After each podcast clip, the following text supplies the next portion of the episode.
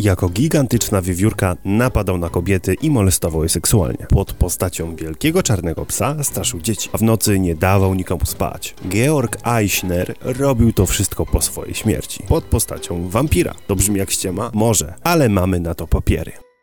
W dawnych legendach motyw diabłów, zjaw czy upiorów nie był nam obcy. Wampiry to trochę jednak taka egzotyka w Polsce. Dzisiejsza opowieść będzie wyjątkowa z powodu podjęcia się tematu tego rzadkiego potwora, ale nie tylko. Również dlatego, iż o sprawie możemy przeczytać w oficjalnych dokumentach sądowych. Czy oznacza to, że upiór spod Wałbrzycha istniał naprawdę? Na temat Wałbrzycha, czyli polskiego Detroit, istnieje spora ilość legend. Ponoć na mecze lokalnego klubu piłkarskiego nie można wnosić i dziubać słonecznika. Krążą słuchy, że w Wałbrzychu jedyną noszoną biżuterią jest bransoleta policyjna, no i że jest tam złoty pociąg. Ale jak wiadomo, z pociągami w Polsce bywa różnie, czasem mają opóźnienie. Ja na przykład na swój złoty pociąg czekam już 28 lat. Miasto i jego okolice mają wiele ciekawych historii i mogą poszczycić się m.in. występowaniem legitnego wampira, a wszystko zaczęło się tak. Pewien mieszkaniec Rybnicy Leśnej postanowił zmienić wyznanie. Znudziło mu się bycie katolikiem i postanowił, iż zostanie protestantem.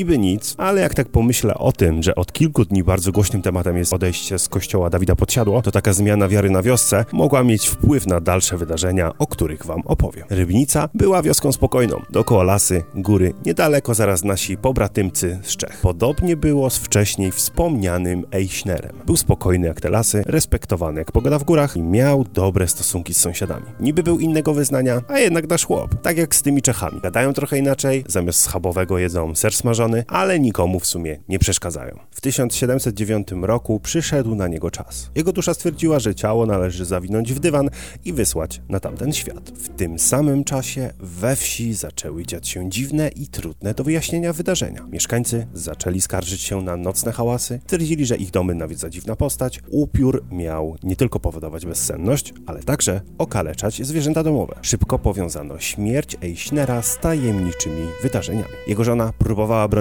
dobrego imienia nieboszczyka, ale ludzie się uparli i zażądali przeprowadzenia oficjalnej ekshumacji zwłok. Poparł ich nawet sam sołtys, a jak wiadomo, sołtys, proboszcz, lekarz to w wiosce trzy osoby święte. Postanowiono wystosować odpowiednie pismo do ówczesnego właściciela wioski, hrabiego Konrada Ernesta Maksymiliana von Hochberga z. Ciekawe jak wołała go jego żona. Konradzie Erneście Maksymilianie von Hochbergu, czy ściągniesz mi szafy kapelusz? Ale to jeszcze nic. Jakby grał w piłkę, to te mecze musiałyby chyba trwać 180, a nie 90 minut. Konradzie Erneście Maksymilianie von Hochbergu, podaj! A przecież on musiałby grać w pierwszym składzie zawsze, bo był wysoko postawiony. W liście wytłumaczono sprawę i poproszono o pozwolenie na przeprowadzenie ekshumacji.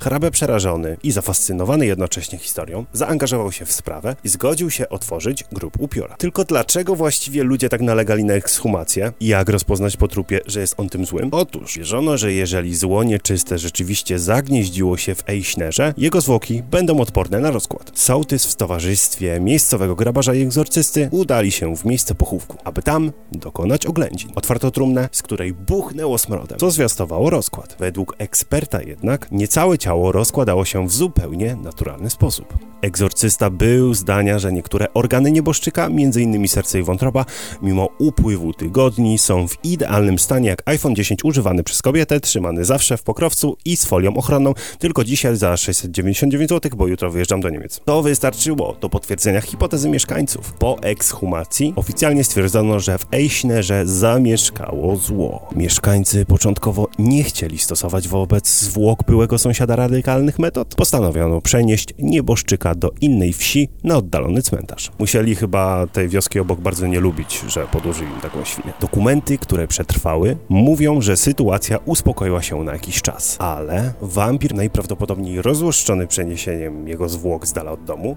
miał pod postacią czarnego psa porywać dzieci. Mieszkańcy wsi widywali go także jako gigantyczną wiewiórkę, która napadała na kobiety i dopuszczała się molestowania. Jeżeli ktoś z was słyszał, gdzie w wałbrzyskich lasach są takie mocne halucyny, to dajcie znać. Po tych dziwnych wizjach naprawdę wszyscy się wkurzyli i do akcji ruszył sam proboszcz. Przeniesienie zwłok nie pomogło, więc postanowiono zastosować tradycyjne metody walki z wampirami i nie chodziło o czosnek. Hrabia wraz z proboszczem i sołtysem wsi postanowili ostatecznie pozbyć się upiora. Urządzono więc pokaz, podczas którego odcięto głowę zmarłemu, serce, które według wierzeń miało być siedliskiem nieczystości, przekłuto kołkiem, zdewastowane zwłoki i jeszcze tak dla absolutnej pewności spalono. Czy pozbycie się zwłok Eichnera przywróciło spokój we wsi? Na drugi dzień po makabrycznej operacji runął na cmentarzu mur, na którym pochowano pustą trumnę wampira. Uznano, że dusza upiora idąc do piekła zatrząsła ziemią, mieszkańcy więc odetchnęli z ulgą. Nigdy więcej we wsi nie widziano tajemniczych postaci czarnego psa i ogromnej wiewiórki, co może oznaczać równie dobrze, że lokalny dealer został schwytany przez policję. Jeżeli jest wam mało opowieści o wampirach, to z Bolkowem związana jest historia o wampirzycy. Bolków jest niedaleko, na kanale jest akurat taka legenda, więc jeżeli chcecie jej posłuchać, to w opisie macie link. Na dzisiaj to już wszystko, trzymajcie się, dobrego tygodnia, na razie, hello!